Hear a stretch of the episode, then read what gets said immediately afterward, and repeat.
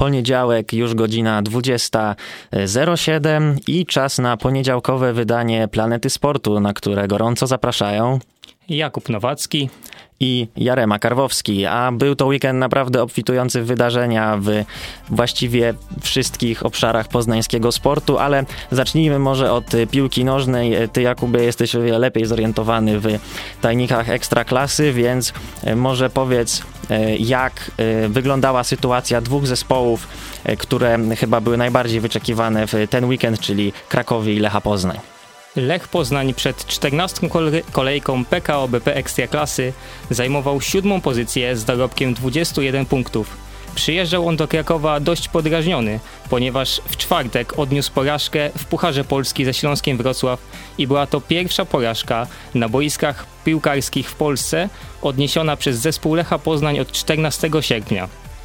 Ostatnie tygodnie były dość udane dla zespołu Lecha, i dobrze udawało im się punktować również w ekstraklasie, dzięki czemu znacząco poprawili swoją sytuację w ligowej tabeli, bo początek sezonu był strasznie słaby w ich wykonaniu. Trzy porażki i jeden remis w pierwszych czterech kolejkach to zdecydowanie poniżej oczekiwań, patrząc na to, że jest to aktualny mistrz Polski.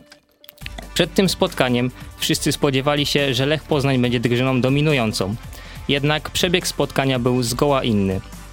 Piłkarze Krakowi mieli więcej okazji w pierwszej połowie i to oni mogli prowadzić schodząc do szatni po dobrych strzałach Kakabadze bądź Konoplianki. Pierwsza połowa była dość, dość uboga w emocje, ponieważ mecz był pełen walki głównie w środkowej części boiska. Druga połowa to natomiast zdecydowana dominacja Krakowi, która miała wiele okazji, aby podwyższyć, aby zdobyć prowadzenie, strzelić zwycięską bramkę. Jednak ponownie na swojego bramkarza Filipa Bednajka mógł liczyć John van den Brom, ponieważ bramkarz Lecha Poznań spisał się znakomicie pomiędzy słupkami i uratował dla Lecha bardzo cenny remis. Wszyscy obserwatorzy mogli być zdziwieni tym, jak przebiegało to spotkanie, ponieważ to drużyna Krakowi może być zawiedziona wynikiem, a Lech może się cieszyć, że wraca do Poznania chociażby z jednym punktem, który po przebiegu spotkania wcale nie musiał trafić do drużyny Lecha Poznań. Następny mecz ligowy Lechici rozegrają w niedzielę 30 października przy Bułgarskiej, a przyjeżdża lider ekstraklasy Raków Częstochowa. Będzie to bardzo ważne spotkanie w kontekście walki o Mistrzostwo Polski, ponieważ Raków e, wygląda na aktualnego kandydata do zdobycia Mistrza Polski. Jednak wcześniej, w czwartek, Lech uda się jeszcze do Wiednia, aby zagrać mecz w ramach Ligi Konferencji Europy z Austrią Wiedeń. Jest to bardzo ważne spotkanie w kontekście gry na wiosnę w europejskich pucharach Lecha Poznań.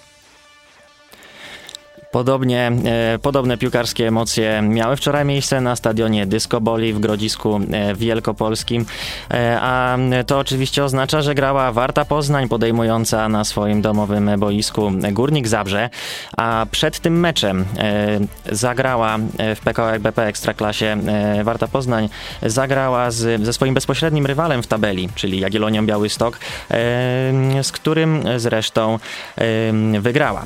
I przed meczem z Górnikiem Zabrze Warta zajmowała 10 miejsce w tabeli z 17 punktami na swoim koncie, ale wciąż z jednym z najsłabszych bilansów meczowych y, y, w meczach u siebie, y, co na pewno nie było dobrym prognostykiem przed tym spotkaniem. Górnik z kolei nie może zaliczyć początku sezonu do udanych. Drużyna z Roosevelta do meczu z Wartą przystąpiła po serii czterech porażek z rzędu. Pierwsza połowa spotkania to głównie ostrożne podchody obu drużyn, które zdecydowanie nie chciały otworzyć się na kontratak przeciwnika i grały bardzo zachowawczo. Można powiedzieć, że już kibice na stadionie Dyskopoli powoli zaczynali ziewać, ale wówczas ładną rzutką w pole karne popisał się Miguel Luis, e, ale niestety nie wykończył tej akcji e, Adam Zrelak, który skiksował zaledwie kilku metrów przed bramką. Końcówka pierwszej polo, połowy należała zdecydowanie do Górnika. Najpierw w 35, 35 minucie dumem Wildy postraszył Aleksander Paluszek strzałem e, głową w boczną siatkę. Kilka minut później niemalże akcję, która powinna powinna zakończyć się powodzeniem na 110%. Zmarnował Kanji Okunuki e, przy szybkiej kontrze, w której Zabrzanie szli trzech na jednego z bramkarzem Warty. Japończyk zamiast podać do lepiej usytuowanych kolegów strzelił kilka metrów od bramki. E, o tej, o tej całej e, sytuacji opowie trener Szulczyk. W całym meczu chyba Wszystko było dobrze przygotowane, praktycznie wszystko dobrze wyszło, tylko jeden z naszych zawodników, który e, miał stać na asekuracji, pobiegł e, do innego wariantu. I dziewięciu zawodników zrobiło swoją robotę, a ten, który miał asekurować, myślę, że gramy inny wariant i no niestety musimy być bardziej odpowiedzialni. Druga połowa nie przyniosła rewolucji na boisku. Znów okazję miał Adam Zrela, który w 64 minucie mógł zdobyć bramkę strzałą głową, ale i tym razem piłka nie trafiła do siatki. Z kolei w 74 minucie Zabrzanie mieli najlepszą szansę meczu, którą Szymon Wodarczyk zamienił na bramkę która jednak została anulowana, bo asystujący mu e, Amadej Moroza znajdował się na pozycji spalonej. Wobec tego bilans meczu Warta Poznań, Górnik Zabrze to 0-0 e, e, a całość spotkania podsumował ponownie Dawid Szulczek. Trudne spotkanie, wiem, że Górnik jest bardzo intensywną drużyną, często trener o tym mówi.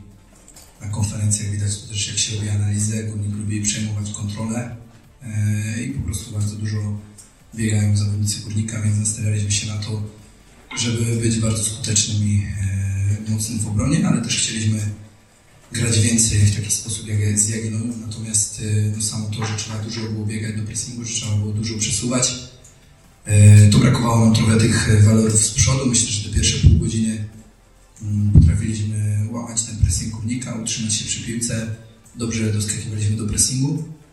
Trochę nam zabrakło konkretów Zabrakło e, tych konkretów i Warta wciąż zajmuje dziesiąte miejsce w tabeli z dorobkiem 18 punktów.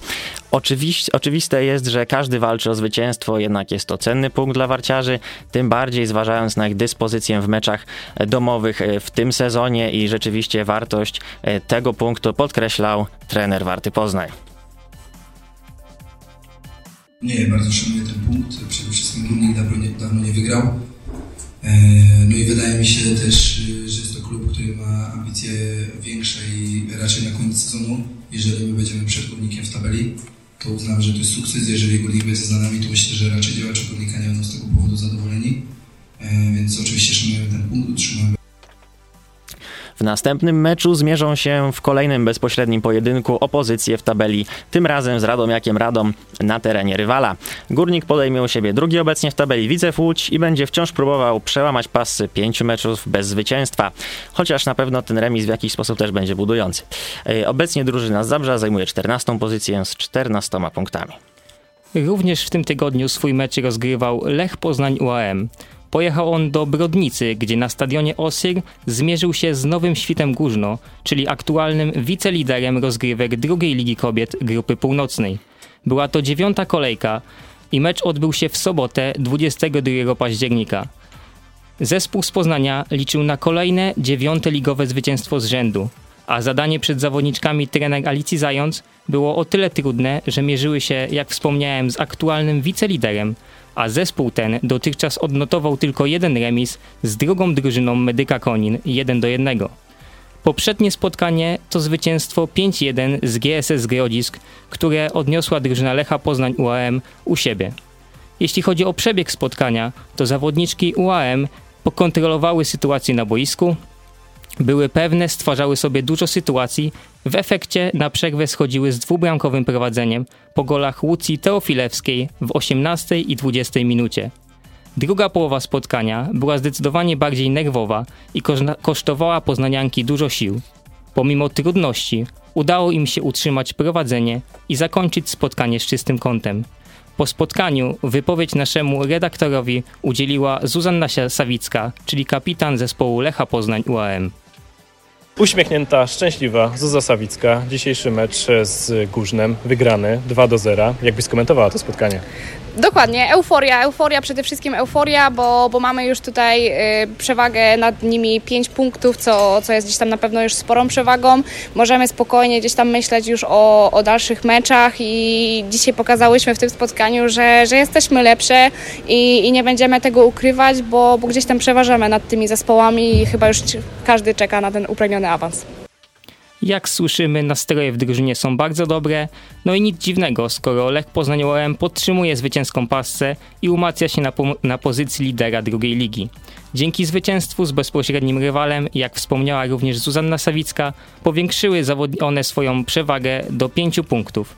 Następny mecz piłkarki Lecha rozegrają w środę 26 października na poznańskim Morasku.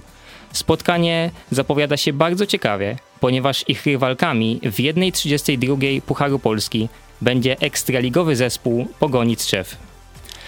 A to nie koniec e, piłkarskich emocji, jeśli chodzi o sport pań, e, bowiem e, hala UAM na kampusie Morasko była, była domem, była areną walki w eliminacjach do Mistrzostw Europy w futsalu kobiet. I spieszymy z relacją z dnia trzeciego tych zmagań, które rozpoczęły się od meczu Holandia-Chorwacja. I wówczas Holenderki, jeśli chciały zachować matematyczne szanse na awans, musiały po prostu wygrać i miały tutaj też na pewno psychiczną przewagę nad rywalkami z Chorwacji, które po dwóch porażkach właściwie nie liczyły się już w, turmie, w turnieju i rzeczywiście dominacja Holenderek była wyraźna, co wskazują statystyki. 32 próby strzału e, Holenderek na jedynie 12 strzałów Chorwatek, no i e, tyle prób, tyle strzałów musiało przełożyć się na finalny wynik, bowiem ostatecznie reprezentacja Holandii wygrała spotkanie 1 do 0 po bramce, bramce Simon Hunt. Z kolei wyczekiwany mecz Polska-Ukraina Ukraina zakończył się remisem, e, a był to mecz o wszystko dla Polski, ponieważ e, dla Orlice Weissa musiały po prostu wygrać różnicą trzech bramek, jeśli chciały myśleć o sukcesie na tym turnieju. Zaczęło się bardzo dobrze, Polki miały inicjatywę, strzelały, tworzyły składne ataki. E, bramkę na 1-0 strzeliła zawodniczka OM Paula Frączak. Polski kontynuowały świetną grę, ale Ukrainki też nie odpuszczały i w końcówce pierwszej połowy wyrównały po bramce Luli, Julii E, typowej.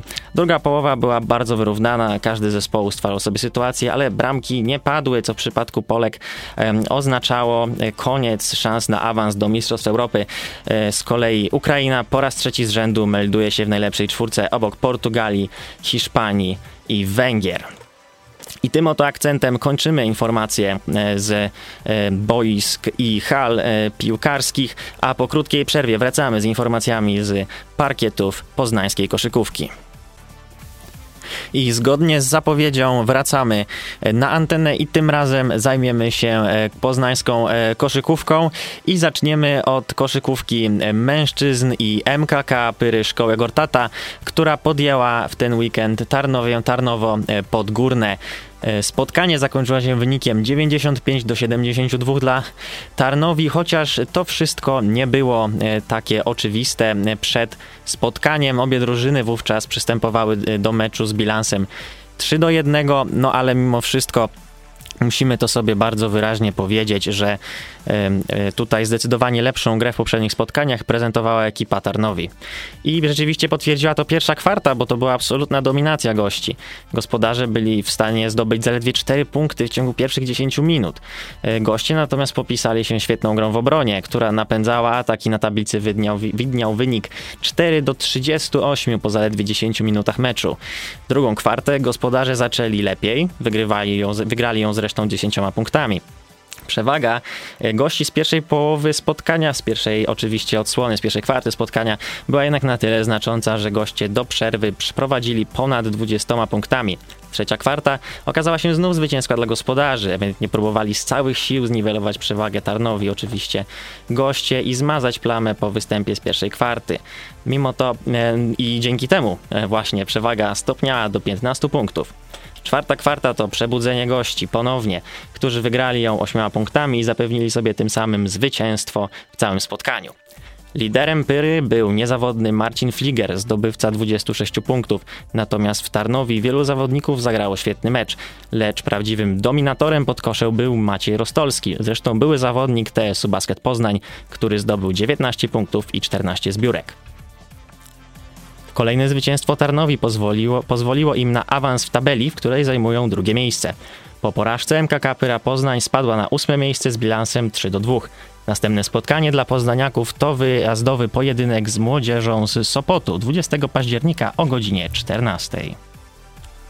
Na hali Citizen w Poznaniu 22 października Enea Basket Poznań gościł WKK Wrocław.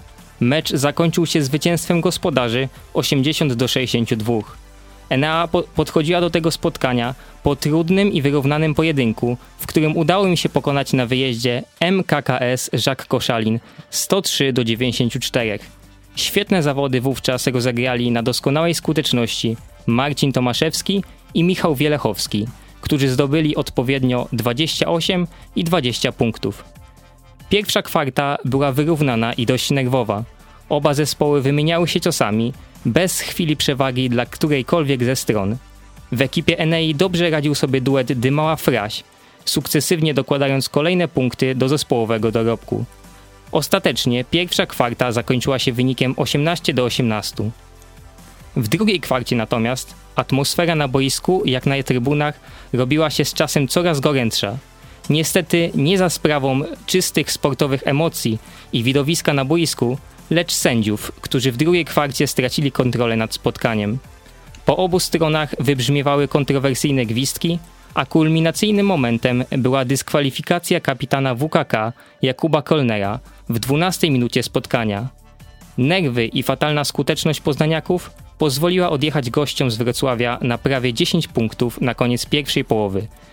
Widok na tablicy to 36 do 27 dla drużyny przyjezdnych. Po przerwie natomiast poznaniacy zaczęli mocno pracować w obronie, co pozwoliło wybić przeciwników z rytmu i napędzać kontraataki gospodarzy. Enea zadawała kolejne ciosy, nieustanny nacisk na Tomaszu Ochońce Patryka Stankowskiego, praca w obronie Frasia czy kosmiczne trójki dymały z 9 metra pozwoliły znacząco wygrać tę kwartę 31 do 9 i wyjść w całym spotkaniu na 13-punktowe prowadzenie. Mogło się wydawać, że ostatnia kwarta to będzie tylko formalność. I tak również było. Była to odsłona, która przebiegła pod pełną kontrolą gospodarzy, choć WKK nie ustawał i cały czas walczył, aby odwrócić losy spotkania. Kiedy Enea odjechała na blisko 20 punktów, doświadczony Tomasz Ochońko rzucił dwie trójki z rzędu.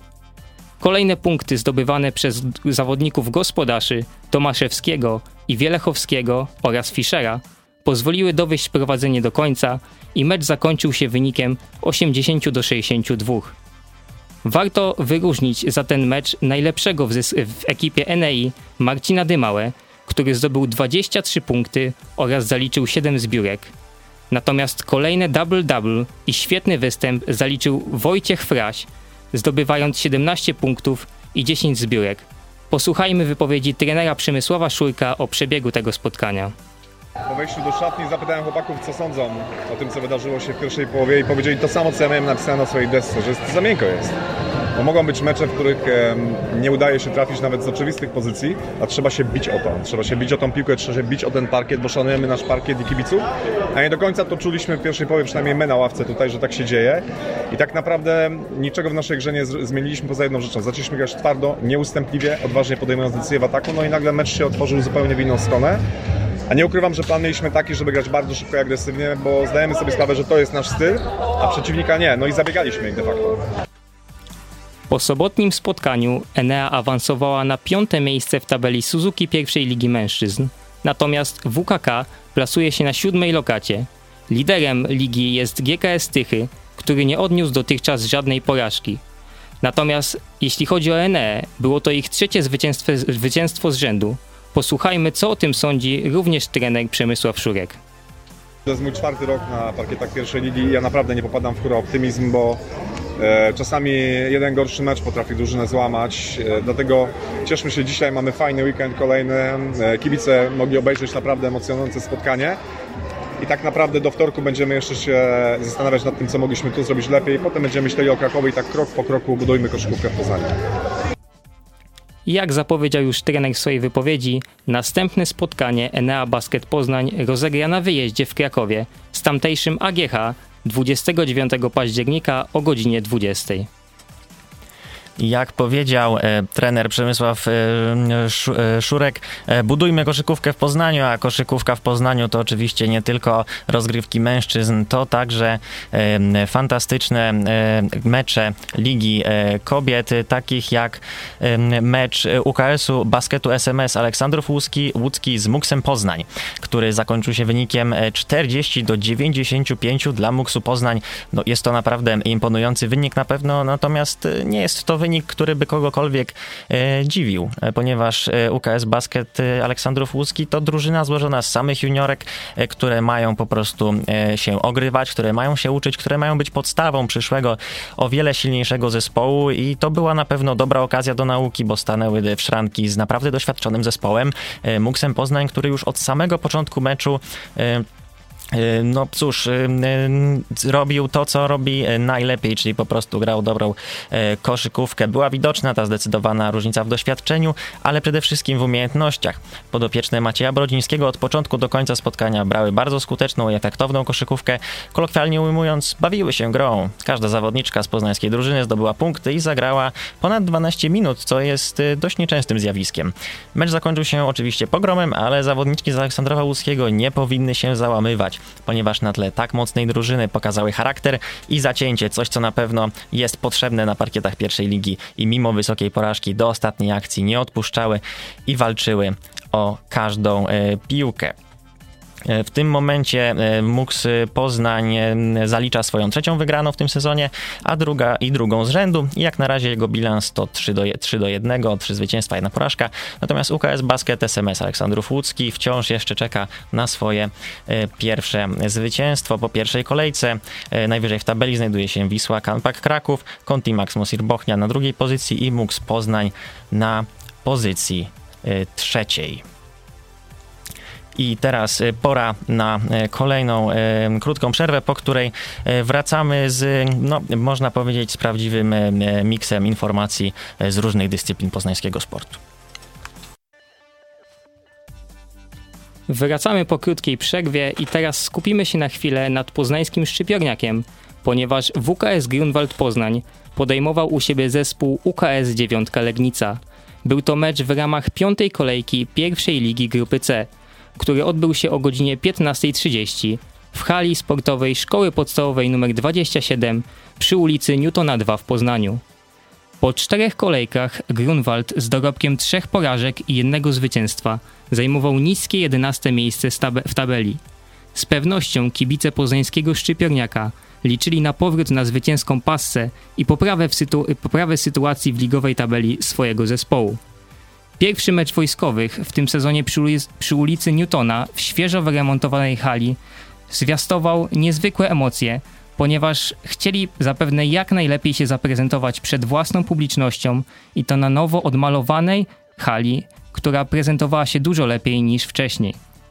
W efekcie pierwsza połowa w wykonaniu wojskowych była wręcz koncertowa. Poznaniakom wychodziło prawie wszystko, czego się podejmowali. Podobieczni trenera Michała Turza po 30 minutach, schodząc do szatni, prowadzili aż 21 do 11. Druga połowa była bardzo wyrównana.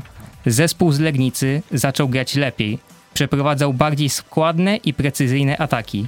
Jednak przewaga wojskowych była na tyle duża, że nie było mowy o tym, aby wypuścić prowadzenie z rąk. I ostatecznie zwyciężyli oni 11, e, przepraszam, 9 bramkami, a wynik końcowy to 34 do 25. Niestety, mimo zwycięstwa, sytuacja Grunwaldu w tabeli nie uległa zmianie. Z dorobkiem 6 punktów wciąż zajmują 11 miejsce w ligowej tabeli. Na szczycie natomiast zaszła zmiana. Dzięki porażce gokisty Kąty Wrocławskie z obornikami śląskimi na pierwsze miejsce wskoczyła siódemka Mieć Legnica, która strąciła wspomniane Kąty Wrocławskie na drugą pozycję. Dotychczas ekipa z Legnicy nie odniosła żadnej porażki i dumnie przewodzi ligowej tabeli. I to tyle e, na temat e, piłki ręcznej i przenosimy się do e, tematu piłki siatkowej i Enei Energetyki, Energetyki Poznań, drużyny kobiecej, która zmierzyła się z ITA Tools Stal Mielec. To była czwarta kolejka, mecz rozegrany na wyjeździe w Mielcu. I przed tym meczem energetyczne znajdowały się na drugim miejscu w tabeli i dysponowały kompletem wygranych i dziewięcioma punktami na koncie. Pierwsze miejsce w tym czasie znajdowała zajmowała właśnie drużyna z Mielca, która wyprzedzała poznanianki ze względu na dotychczasowy brak straty seta. E, spotkanie na samym szczycie tabeli w tym przypadku i na pewno było, e, zapowiadało się to spotkanie bardzo emocjonująco i bardzo trudno dla e, poznanianek, ponieważ dotychczas ktoś złośliwy mógłby powiedzieć, że te 9 punktów wzięło się właśnie z tego, że dotychczas wygrywały wyłącznie z Beniaminkami. Przynajmniej ostatnie trzy wygrane z rzędu. To właśnie zwycięstwa z nowymi zespołami w lidze i to w dodatku dodatku przed własną publicznością co e, oznacza, że właśnie teraz przyszedł czas na zdecydowanie e, większe wyzwanie. I ich rywalkami był właśnie zespół z Mielca, który od początku sezonu błyszczy na parkietach, zbierając każdorazowo komplet punktów. Drużyna w okresie przygotowawczym dokonała wielu ciekawych wzmocnień, stąd też pewnie ta forma i połączyła młodość z doświadczeniem, a to jest zawsze bardzo niebezpieczna kombinacja. Ponadto postawiła ta drużyna na doskonale znanego szkoleniowca Wiesława Popika i z pewnością ma apetyt na awans do siatkarstwa ekstraklasy. W spotkanie e, mimo to lepiej weszły pozdanianki, które po, po chwili prowadziły już 5 do 2. Jednak po dobrym początku przyszła pora na błędy własne. Przy serwisie Zuzanny Kulik gospodynie dogoniły energetyczne przystanie 6 do 6, a następnie wypracowując sobie przewagę. W ataku błyszczała Emilia Mucha, a podopieczne Wiesława Popika nie zwalniały tempa i prowadziły 15 do 11. Do stanu 22 do 22 oba zespoły naprzemiennie zyskiwały na parkiecie. Ostatecznie po wyrównanej walce set zakończył się na korzyść poznanianek 25 do 23 po skutecznym ataku Oriany Miechowicz, ale już wtedy było wiadomo, że rzeczywiście to spotkanie po prostu spełni oczekiwania, spełni oczekiwania tego niezwykle zaciętego spotkania na szczycie tabeli. Początek drugiego seta był również wyrównany, jednak chwilę później Mielczanki za sprawą Emilii Muchy doprowadziły do wyniku 10-4. Na serwisie brylowała Karolina Staniszewska, jednak seria ta nie trwała wiecznie, jak zresztą wszystko. Przyjezdne odparły ataki doprowadziły do remisu 11-11 po błędach własnych i, własnych i rywalek. Następnie grano punkt za punkt. Momentem zwrotnym była fantastyczna zmiana Katarzyny Brydy, która wsparła swoje koleżanki doświadczeniem i była cichą bohaterką całego meczu. Dzięki skuteczności zawodniczki go, zawodniczki gospodyń prowadziły 20-15 i to właśnie wówczas zespół mógł cieszyć się ze zwycięstwa w secie do 19. Trzecia partia to przede wszystkim gra toczona pod dyktando dwóch zawodniczek, Brydy i Muchy. Już od początku seta Mielczanki stopniowo wypracowywały sobie tę przewagę, prowadząc na półmetku 13 do 7. Po serii zagrywek Katarzyny Brydy na tablicy wyników widniało już 20 do 10, a całość zakończyła się na korzyść zawodniczek trenera Popika do 16. Ostatni, czwarty set ponownie zdominowały siatkarki z Mielca, nie dopuszczając do głosu zagubionych we własnej grze poznanianek. Zmiany w składzie gości nie pomogły. Po zagrywce Emilii Muchy było już 17 do 8 dla Set rozstrzygnięty ponownie na korzyść siatkarek ITA Tools do 18 po ponownej słabej grze e, poznanianek. MVP spotkania e, była zdecydowanie przejmująca Emilia Mucha ze skutecznością 18 do 44 w ataku. E, na wyróżnienie zasługują jeszcze Staniszewska, Bryda Kucharska. Po stronie poznanianek najskuteczniejsze w ataku były Miechowicz i Molenda, jednak całościowo nie było to dobre spotkanie. Po czterech kolejkach podopieczne trenera Patyka plasują się na drugim miejscu w tabeli z sumą 9 punktów i bilansem trzech zwycięstw i jednej porażki. Niezmiennie na szczycie królują zeszłotygodniowe rywalki poznanych z Mielca, które dotychczas oddały wyłącznie seta. Właśnie spotkanie przeciwko zawodniczkom Enei i to na pewno mogą sobie zapisać, e, mimo, tego, mimo całokształtu tego spotkania, e, poznanianki mogą zapisać sobie to na plus. Trzecie miejsce zajmuje aktualnie UJCM Solna Wieliczka z takim samym bilansem co energetyczne. Następnymi przeciwnikami poznanianek będą siatkarki Los Nowy Dwór Mazowiecki, które aktualnie znajdują się na szóstym miejscu w tabeli z siedmioma punktami na koncie przy bilansie dwóch wygranych i dwóch przegranych spotkań. Wrażeń z pewnością nie zabraknie. Nowodworzanki od początku sezonu prezentują się całkiem dobrze. Na spotkanie zaplanowane w sobotę 29 października o godzinie 17. Już teraz zapraszamy. Mecz standardowo zostanie rozegrany w hali UOM przy ulicy Zagajnikowej. A teraz Jakubie opowiedz nam o drugim zespole na Energetyk Poznań. Tymczasem, tym razem to druga Liga Piłki Siatkowej Mężczyzn. E, podobnie jak swoje koleżanki, męski zespół Enei Energetyka Poznań rozgrywał swoje spotkanie na wyjeździe. Mecz odbył się w sobotę 22 października o godzinie 18 w Łęczycy. Poznaniacy zajmowali przed spotkaniem piąte miejsce z sumą pięciu punktów przy bilansie dwóch wygranych i jednej przegranej. Jednak do dwóch niepokonanych dotąd drużyn ze Słupca i z Żagania tracili już cztery punkty, co biorąc pod uwagę słabszą dyspozycję głównych pretendentów do awansku, ciężko może być później, w późniejszej części sezonu odrobić straty.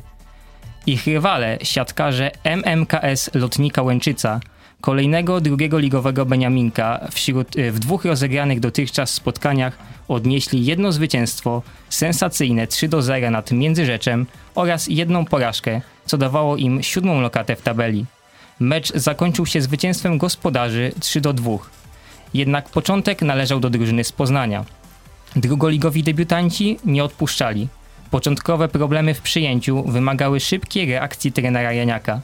Ostatecznie siatkarze lotnika wyrównali stan przy wyniku 17 do 17. Wymagająca gonitwa dużo kosztowała gospodarzy, a rozpędzeni wcześniejszą pasą energetyczni wygrali pierwszą partię 25 do 20. Drugi set miał całkowicie inny przebieg. Konsekwentna gra gospodarzy pozwoliła im doprowadzić do wyniku 20 do 15. Wypracowana wcześniej przewaga ostatecznie przechyliła szale zwycięstwa na korzyść lotnika, a set zakończył się 25 do 21. Trzecia partia z początku była bardzo wyrównana. Dopiero przy stanie 8 do 7 dla energetyka Łęczycanie doszli do głosu, wychodząc na kilkupunktowe prowadzenie. Ponownie drużynę gospodarzy złapał przestój, a poznaniacy, wykorzystując okazję, wyszli na prowadzenie przy stanie 19 do 17.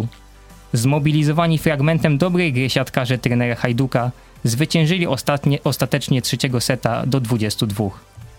Przedostatnia partia przebiegała niemal cały czas pod dyktando lotnika. Podopieczni trenera Janiaka w końcówce prowadzili 20 do 16, pewnie zmierzając do wygrania kolejnego seta. Ostatecznie czwarta odsłona spotkania podła ich łupem do 22. W konsekwencji o losach meczu zdecydować miał tiebreak, który rozpoczął się od siatkarskiej przepychanki. Naprzemiennie oba zespoły przejmowały inicjatywę, zaś końcówka przyniosła wynik 12 do 12, co mogło zapowiadać ekscytującą końcówkę spotkania. Górą byli jednak gospodarze, którzy zwyciężyli w piątym secie 15 do 13, odnosząc kolejne swoje zwycięstwo nad wcale niełatwym przeciwnikiem w swoim debiutanckim sezonie w tej lidze. Ostatecznie po czterech kolejkach energetyczni pomimo przegranej utrzymali piątą lokatę w tabeli i z wyjazdu wracają z jednym, ale cennym punktem. Aktualnie mają na koncie 6 punktów przy bilansie dwóch zwycięstw i tylu samo porażek. Ich kolejnymi rywalami będą zawodnicy Cuk Anioły Toruń, zdecydowany pretendent do walki o awans do pierwszej ligi mężczyzn, więc spotkanie zapowiada się naprawdę ekscytująco i będzie niezwykle ciężkie dla zawodników Energetyka Poznań. To spotkanie rozegrają przed własną publicznością w nadchodzącą sobotę 29 października w hali Citizen przy drodze dębińskiej 10C. Szczegółowe informacje o godzinie meczu pojawią się pod koniec tygodnia na Facebooku drugoligowego zespołu. Serdecznie zapraszamy. I w dzisiejszym wydaniu e, Planety Sportu to wszystko, ale tylko jeśli chodzi o te dyscypliny i ligi, o których e, wspomina, o których mówimy, o których opowiadamy e, właściwie każdego tygodnia. A po krótkiej przerwie wracamy z relacją z naprawdę wyjątkowego wydarzenia.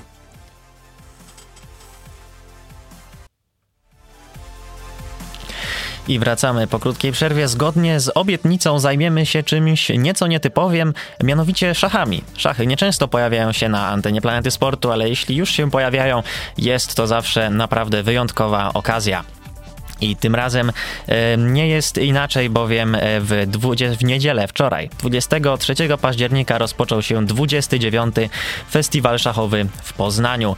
E, wówczas to właśnie nasze miasto stało się szachową stolicą Wielkopolski, ponieważ to już kolejna edycja tej niesamowitej imprezy, która w tym roku dodatkowo odbywa się we wspaniałych okolicznościach przyrody w sali konferencyjnej oddziału Malta Poznańskiego, Poznańskich Ośrodków Sportu i Rekreacji, e, a o szczegółach tego wydarzenia opowie Wam wiceprezes Wielkopolskiego Związku Szachowego, pan Maciej Cybulski. 29. Festiwal Szachowy w Poznaniu się odbywa e, w tym roku. E, mamy nowy obiekt. Jest to pięknie położony obiekt Posiru przy Malcie, więc zawodnicy mają praktycznie widok na jezioro, co na pewno aż zachęca do, do przyjemnego spędzania czasu pomiędzy rundami. E, codziennie mamy oprócz szachów klasycznych to jeszcze imprezy towarzyszące. E, bardzo się cieszę. Jeżeli chodzi e, o obsadę, to jak zwykle frekwencja dopisała. Ponad 100 zawodników stanęło w OpenA i OpenB. Także jesteśmy myślę, że zadowoleni jako Wielkopolski Związek Szachowy.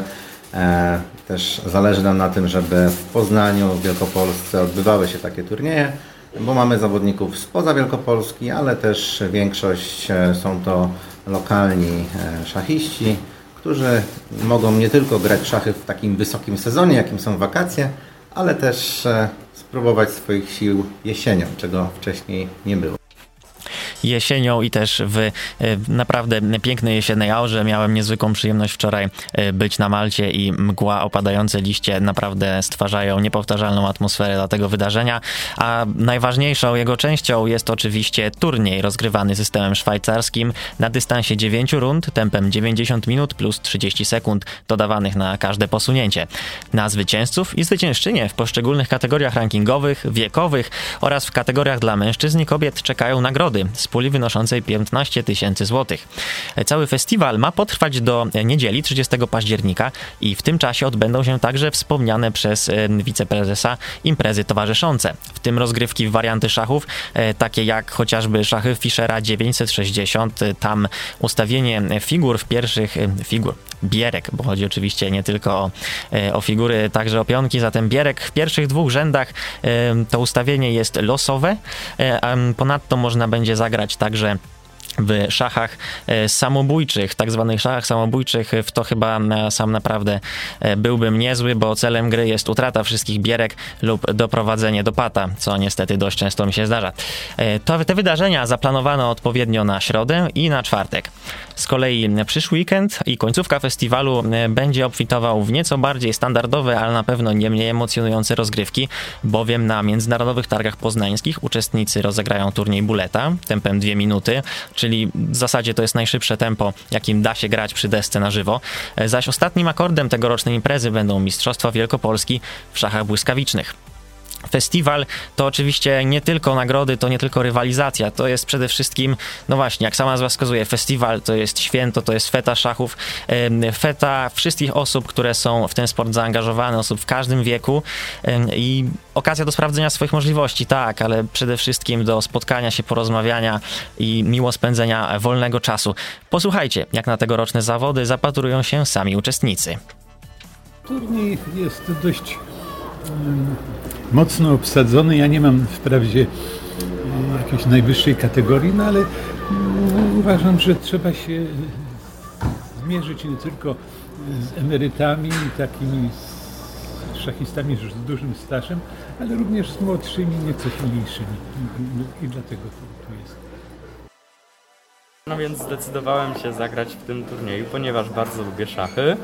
E, widziałem, że wielu moich kolegów się zapisało i pomyślałem, że to jest fajny sposób na spędzenie z nimi miło czasu, a jednocześnie na podniesienie swojego rankingu szachowego.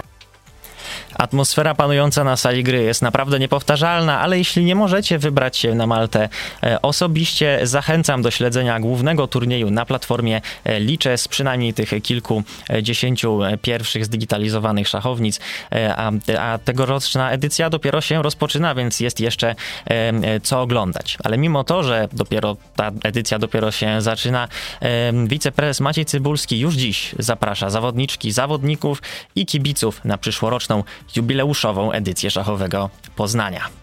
30 e, edycja takiego festiwalu poznańskiego, który ma już bardzo piękną historię.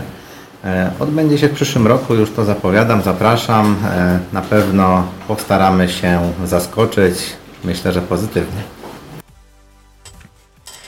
Mm, I oczywiście my też mamy nadzieję, że przyszłoroczna edycja będzie naprawdę niepowtarzalna i że również tegoroczne, e, czy tegoroczny festiwal będzie niezapomniany. I to wszystko, co przygotowaliśmy dla Was w poniedziałkowej e, planecie e, sportu, którą prowadzili dla Was Jakub Nowacki. i Jarema Karwowski, a e, naszą audycję realizowali Adrian Zawadzki i Mateusz Sosnowski. Zapraszamy oczywiście na kolejną audycję Planety Sportu, która odbędzie się w piątek o godzinie 25.